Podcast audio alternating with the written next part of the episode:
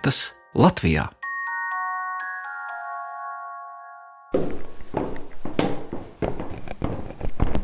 Bet tad šī pati ēka ir bijusi savulaik celta slimnīcas vajadzībām. Ja?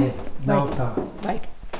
Slimnīcas vajadzībām viņa pārtapa cara laikā. Tad, kad 1898. gadā cars Nikolais nopirka šo ēku jau no štabs rotmistra Gotšalka atraitnis. Gotšalks bija tas, kas nopirka no Borhiem, un tad viņš nopirka par 7300 rubļiem ar mērķi izremontēt un pielāgot slimnīcai Prēļu miestā. Krieviski rakstīts Lečebnice miestečko Prēļi Vitebskai guberņi. Tas man dokuments ir vecākais, kas man ir. Ir schēmas, kura var redzēt, ka uz šīs ielas ir sanāk bija divas vietas apzīmētas. Ir šī ēka un viena desetīna zemes, kas bija vecacībniekiem dota dievnama būvē. Tā kā agrāk šeit nekādu citu ēku nebija. Un tad jūs šo ēku, kā jūs teicāt, te bija Hirosima stāvoklī viņa bija. Hirosimas stāvoklis. Jā, nu, viņa bija diezgan bēdīga caura un sešus mēnešus četri vīri tikai tīrīja viņu. Tā ir vecākā koka ēka Preļos, kas ir būvēta ap 1800. gadu un sākotnēji piederējusi Livonijas grāfu Borhu dzimtai, Preļu un Varakļānu mūžu īpašniekiem. Un vairāk kā pirms 20 gadiem fotogrāfs un uzņēmējs Igors Pličs šo tolaik pamesto namu atjaunoja, un tagad te ir iekārtota senlietu un latgales fotovēstures ekspozīcija. Bet nama pagalmā apskatāms paša Pliča celtais mazākais dievnams Latvijā. Pirmais stāsts reiz fotografēts Latgalē. Tā, iesim tālāk mēs ienāksim istabā, kur būs runa par fotografijas vēsturi Latgalē. Ja? Un te man ir tehnikas visādas. Varos uz kārtīgi sarindotiem zenīta, ļubīķeļa, smēna, kanona, nikona un vēl citiem dažādu firmu un dažādu laikmetu fotoaparātiem. Un Igors Pličs, par kuru var teikt imanta ziedoņa vārdiem garainis, kas veicina vārīšanos, ir tāds fotogarainis, gan tāpēc, ka pats fotografē, gan dibinājis Latgales fotogrāfu biedrību un arī turpina vākt, pētīt un gaismā celt šī novada fotovēsturi un aizrautīgi stāstīt interesantiem par šo jomu. Atgriezīsimies atpakaļ pie šīs kastītes, kur stāv parasts aparāts, zenītiņš ar objektīvu. Tā ir trīs. Redziet, metāla kastīte. Šo aparātu ir izmantojusi PSRS valsts drošības iestāde. Saucās ārējā novērošana. Krieviski Naruška bija tāds, kur māksliniekus fotografēja no mašīnas, vāca kompromatus, ziniet, un tā. Un tagad man viens cilvēks atnesa to aparātu, it kā atrasts Jelgavā uz bēniņiem ēkā, kurā bija dislocējusies šī slepenā padomu vienība. Un atveda, nu viņam nevajag, viņš saka, zini, es tev muzejam dāvinu. Es paņemu rokā, hop, redzu, ka tur filma iekšā vēl ir. Vēl neesmu viņu attīstījis. Interesanti, kas tur būs. Redziet, kādas intrigas paceļās. Tā kā lūk, arī. Jā, ar tik garu objektīvu, lai no tāluma var pievilkt klāt. Mašīnas pievilku nofotografē. Nu, tie, tie... Aizdomīgos pilsētas. Jā, nu, bija tie laiki. Nu, ko lai dara? Nu, tā. Te ir arī visādi fotoaparāti. Šie ir jā, ļoti interesants moments. Ir fotogrāfs, ko es esmu Krustpils novadā atklājis, biju pāris ekspedīcijās, ir Jānis Zālītis, kura pieraksti lūk, arī šeit glabājās, dokumentu daudz dabūts, un viņa arī stikla negatīvi, kādi 430 gabali, kurus es visus mācēju izmazgāt priekš tam, lai varētu ieskanēt Rīgā. Un domāju, ka varētu viņš būt viens no vecākajiem Krustpils novadā, jo viņa pieraksti ir datēti ar 1894. gadu. Fotogrāfiskie pieraksti, redziet, 894. Un te ir tie laiki, jāpēta. Es neesmu visu izlasījis.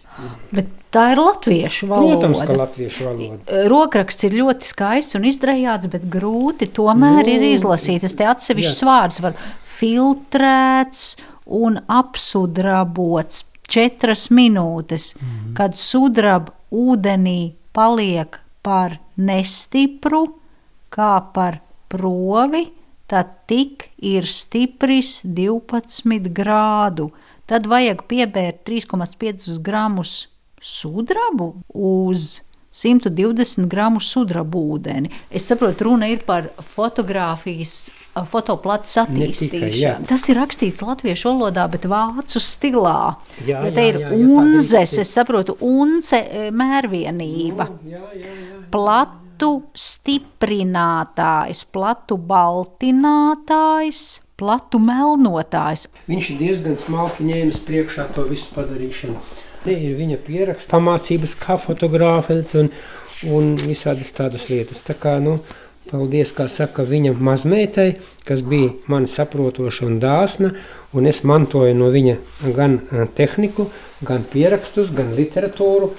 Viņš bija arī Krievijā, Kalugā viņš strādāja, redziet, tie cara laika visi žurnāli, ja, 14. gads, jā, 1900. Jā, jā, 11. 14. tie ir. À, Krievu foto, valodā. Fotografiski listok. Tas ir Krievijā izdoti, jā, žurnāli. Bet kas ir interesanti? Jāņa Zālīša mājās mēs atradām šo te kastīti. Tā. Tanī, tas ir kastītā, redziet. Melna kartona kastīte. Kastīte, kur iekšā ir fotopapīrs. Celoidīna. Postkarteni, ja? Tad, jā, glancēt, glancēts tā tad, ja, simts štukas iekšā, ja. Vācu un, valodā tas jā, viss ir rakstīts, jā. Jā, jā Dresden, viņš ir Vācijā ražots. Kas par lietu? Redziet, kur viņas ir, bet viņas jau ir pagalam, jo viņas ir gaismā sagaismotas, viņas nedrīkstēja gaismā. Tās ir tās, uz kā drukāja fotogrāfijas, redziet, kur emocija, ja, un, un otrā pusē pastkartītas, jā. Bet kur ir tas knifiņš? Šī kastītē, zem tām pastkartītēm mēs atradām naudu. Paskatieties, man tā mazmeita atļāva dažus paņemt, lai parādītu, ka Jānis Zālītis tādā veidā ir slēpis naudiņu. Jo redziet, salocīta tāda veida lielas banknotes pa 100 rubļiem, cara laiks, ja, kurš gads 910. 1910. Jā. Ne, un tā naudas, tā kupīra ir jā, milzīga. Nu, protams, ceturdaļa no A4 formāta. Bet, bet kur tā rozīnīte ir dziet, ja kāds meklē, Tad viņš saka, neaiztieciet, sagaismosiet. Un apakšā bija naudiņa. To mēs tikai tagad atradām. Viņa māja Krustpils novadā stāv apmēram 50 metrus no mazmeitas mājas, kur viņa dzīvo. Bet tā māja viņam pilna tur ar visādiem krāmiem, kuros es tur vandījos. Nu, ekspedīcijā, sakot, bija. Tā, kas tad vēl te ir? Ā, tā par fotografēšanu. Nu, nu ļoti daudz. Nu, teiksim, ja es paskatos, paskatos piemēram, šī mapīte pagaidām saliku tā, kur ir Jāņa Zālīša, tad krustpils fotogrāfa materiāli. Te ir viņa arī, redzīt, visādi pieraksti, jo fotogrāfs nenozīmē, ka viņš tikai fotografēja. Viņš arī saimniekoja, viņš arī mācījās tur visādas krāsas un tā, Un tie ir dažādi dokumenti, redziet, no tā laika. Ja? Tā ir kāda apliecība. Nē, nē, nē, dot, nē. Tas, ir, tas ir, es domāju, ka pavadzīme visdrīzāk precēm. Redziet, cara laiki, tas ir 901. gads. Zaļītis Kreitsburg, Krustpils, jā. Jā, jā. À, ko viņš ir pirks? Cenas, ko viņš pērk. Nu, es te tagad Одна десятина альбуминой бумаги, albumīna papīrs, viena desetīna, ja? Kas bija albumīna papīrs? Albumīna papīrs bija tāds fotopapīrs, kas bija taisīts tā kā no, no olbaltumvielām. Es saku, ka pagaidām es mēģinu apkopot, jo pētniecības darbs paliek, paliek vēl priekšā. Daudz kas paliek nezināms. Mm. Mana dzīve arī būs par īsu priekš tam, lai visu zinātu šī jomā. Tā kā lūdzu neuztraukties, ka es kaut ko nezinu. Bet, mm. bet eh, tas ir normāli, jo, jo cilvēkam nav dots visu zināt. Gudrie ebreji saka savā grāmatā tā, par sevi viņi saka, mēs nekad nekļūsim gudri, bet mēs drīkstam cerēt kļūt par mācekļiem. Redziet, Latvieši kaut ko līdzīgu saka tikai vienkāršāk un prastāk. Viņi saka, visu mūžu mācies, beigās pat duraku nomirsi. Bet iedomājieties, kā mēs esam evolucionējuši. Tagad cilvēki izņem mobīlu. Nu, nu, tikai kur robežas ir. Vai tad visa evolūcijas, visa attīstība, visu laiku mēs gribam būt pirmie, mēs gribam būt labākie. Bet tad, kad pienāk vecums, vajag mirt, tad pēkšņi gribas pēdējiem palikt. Saprotiet, ja jūs tie visi mirstiet, es pagaidīšu.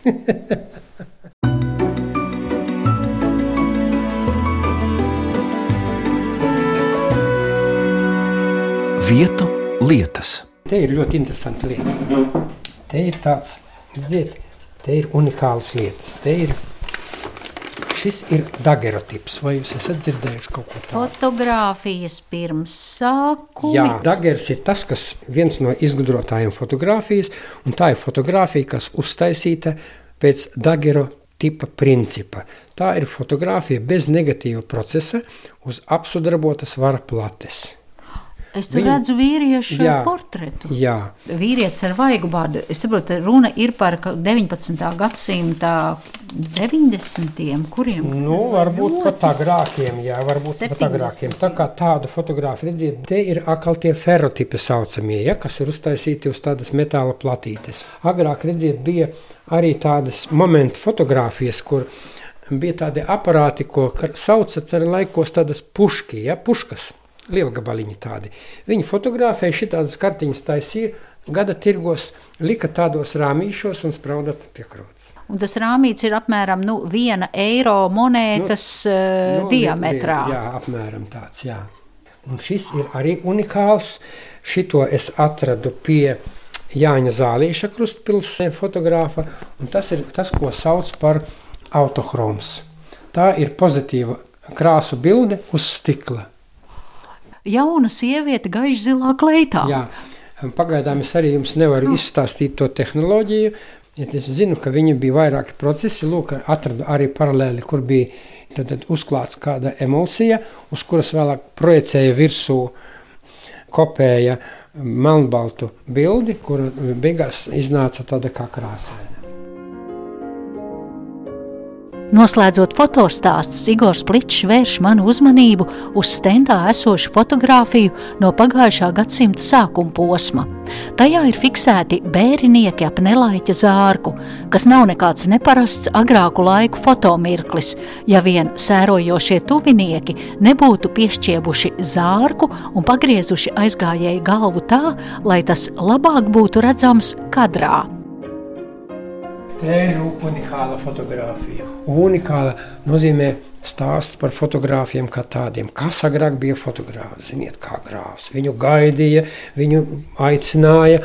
Un te redziet, tā, kurš šodien atļausies pašķiept zārku un pagriezt nelaiķim ģīmi, lai labāk atpazītu varētu. Paskatieties, kā.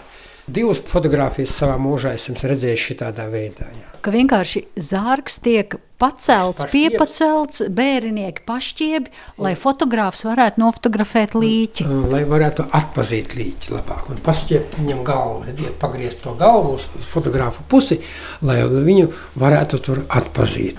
Jā, tā greizmana fotografija. Kurš gads tas apmēram varētu, vai tie ir starpkaru Latvija, vai tas ir tomēr agrāk? Visādā ziņā pirmskara Latvija. Pagājušā gadsimta 20. un 30. Varētu gadi. būt, jā.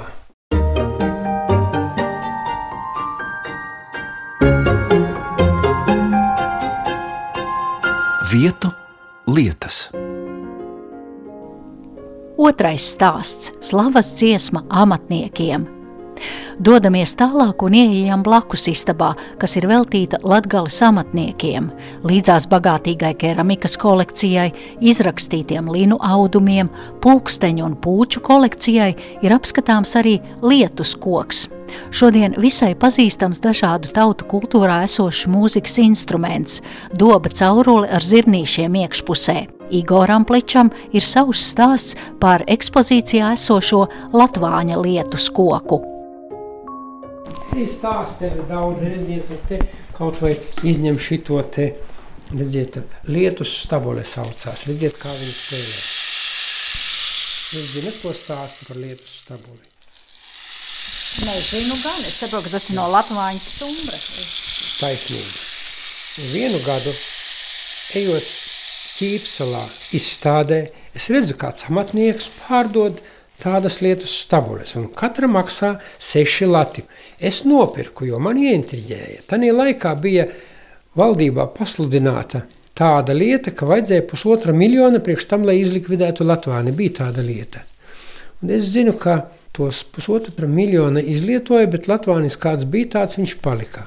Bet šeit viens uh, apģērīgs amatnieks no viena Latvāņa izgatavo trīs tādas stabules, un no katras nopelna to seši Lati, lati. Jā, to laiku, vai ne?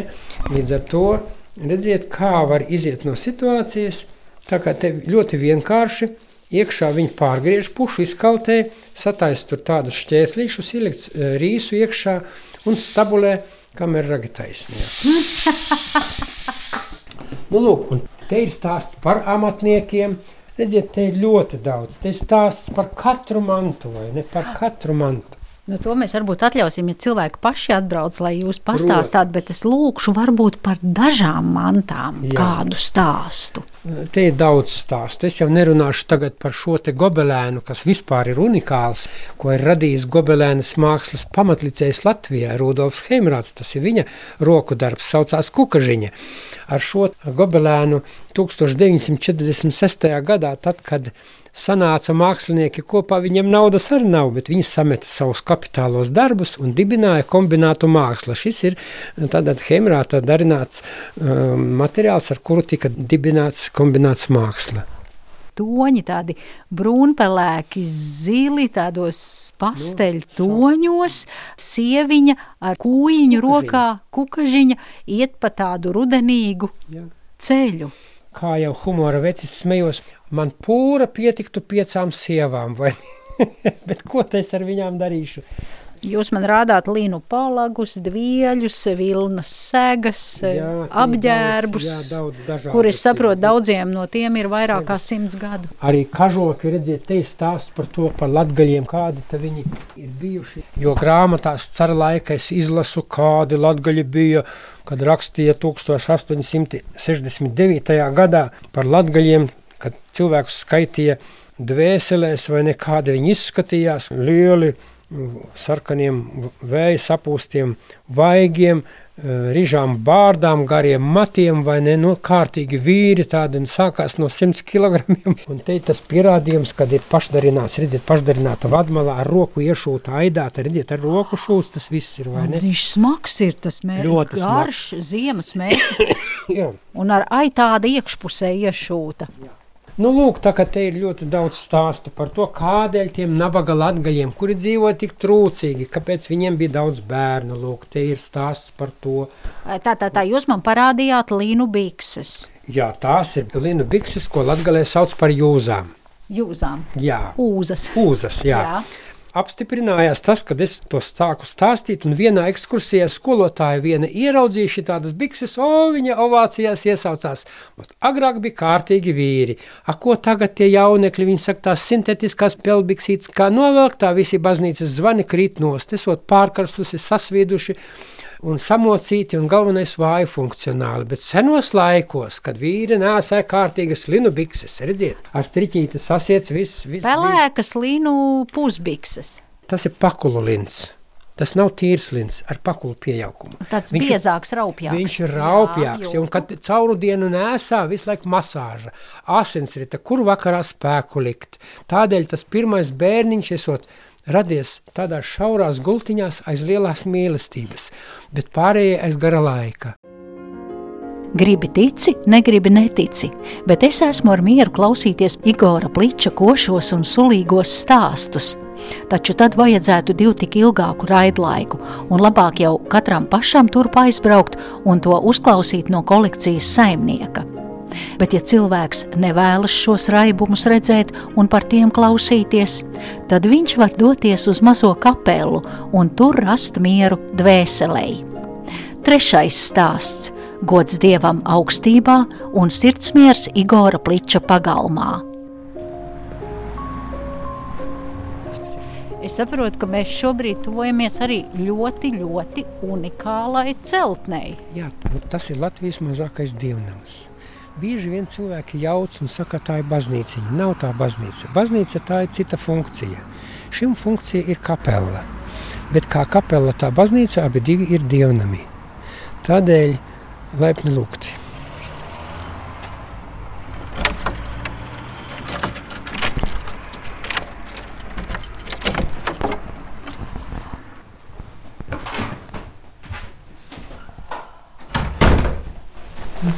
Dievnams, kas ir tapis pēc ceļojuma pa Kanādu. Kad no Niagara pilsētas braucu ārā ar mašīnu, vienā vīnogu lauka malā stāv tieši tāds pats, tikai nabadzīgāks. Bet šo dienu jūs pats cēlāt? Jā, man tā ideja patika. Nu, bet viņiem tie saidingi viss no plastmas. Es domāju, nu kā tas tā mežā dzīvodams no plastmas taisīšu. Es uztaisīju visu no koka, aprīkoju altāri, tur nebija tik skaisti vai ne, bet tā ideja man patika. Šeit ir trīs soli rindas, nu, kā 12 cilvēki te var ienākt. Varbūt arī vairāk, bet nu, tā ir tāda miera osta, kur cilvēki izmanto privātām vajadzībām, kuriem ir grūti ap sirdi, vajag nomierināties, vajag meditēt, varbūt kāds māk palūkties, bet vienmēr šeit var dabūt sirds mieru. Nomierināšanos, jo cilvēkam vissvarīgākais ir būt mierīgam. Un vēl kas ir īpatnējs šim dievnamam, ka viņš ir domāts visiem kristiešiem, nav tikai šeit dominējušiem katoļiem. Kaut gan katoļiem paldies par to, ka viņi iesvētīja man šo dievnamu. Šeit, redziet, ir arī vecticībnieki, kas ir pēc katoļiem uzreiz nākošie. Kas to nosaka? Tās ikonas mazās. Jā, tās, tās, Tās ir svētbildes. Tā labajā pusē tās ir pareizticīgo, man atveda no Krievijas, un pa vidu mums, latviešiem, visiem pieņemtais, kā saka, Jēzus Kristus, visiem ir tāpat viens, Dieviņš ir viens, Jēzus Kristus tāpat, un, un tā kā atšķirās vienīgi tradīcijas. Ļoti maza, gaiša un mājīga kapela ar kokā grieztiem eņģelīšiem, tas ir spārnotām eņģeļu galvām. Te ir arī izliktas bībeles vai lūkšana grāmatiņas. grāmatiņas dažādās valodās. Agrāk man bija te vairāk. Es sākumā viņu to dievnamiņu turēju pa dienu vaļā. Tikai vakarā un rītā atvēru, vakarā aizvēru. Bet neattaisnojās, jo cilvēki, diemžēl, nav gatavi vēl. Sabiedrība nav gatava mūsu pieņemt tādas lietas. Jā, sāka zust, viss kaut kas nesaprojām, aiznesa grāmatas, saplēsa, vēl kaut ko palaid. Viņi bija mūziku pat aiznesuši projām, man vai neatradu. Nu, tā bija arī svētbilde, un tad, kad to svētbildi tādu man aiznesa projām, no tā brīža es sāku slēgt viņu ciet, un tagad ir bišķi savādāk. Bet iepriekš te piesakās, un jūs tad atslēdzat, Jā, ir telefoni, cilvēki, tie, kas brauc, grib apskatīties, vienmēr laipni, viss vaļā. Cilvēki man ir braukuši un redziet, no, no salas grīvas pat zvanu uzdāvināju, vai ne augšā stāv. Bet viņi man zvana, vai tu atradi zvanu? Es teicu, nē, es pat nemeklēju. Nu, viņi saka, nemeklē, mēs tev atvedīsim. Un viņi atveda, nofotografējāmies, viņi atstāja savu dāvinājumu rakstu man un uh, tās atmiņas, un tā es viņu pieliku. Ne, ļoti interesanti par to zvanu. Zvans cēlies no Limbaģa rajona lāņiem, lietots padomju saimniecībā Salatsgrīva pirmajos dibināšanas gados kā saziņas līdzeklis. Izvietots bija brīvnieku mājās Martinsona Voldemāra ģimenes mājā. Sākotnēji izcelsme zvanam nav zinām, iespējams ir bijis kuģa zvans, jo tūmā jūra un kuģotāji. Nu, ar Jā. tādu pastāstu arī nāk šis zvans pie manis. Bet kaut vai pat stāvot un tagad darba uzdevumā rakstot interviju, bet nu jūt to mieru. Ir, ir. Kapela privātai lietošanai. Jeb, jeb Latvijas mazākais dievnams. Paldies par stāstījumu fotogrāfam Igoram Pličam. Pie viņa senlietu un fotografiju kolekcijā Preļos viesojās un raidījumu veidoja Zane Lāce Baltalksne. Vietu lietas.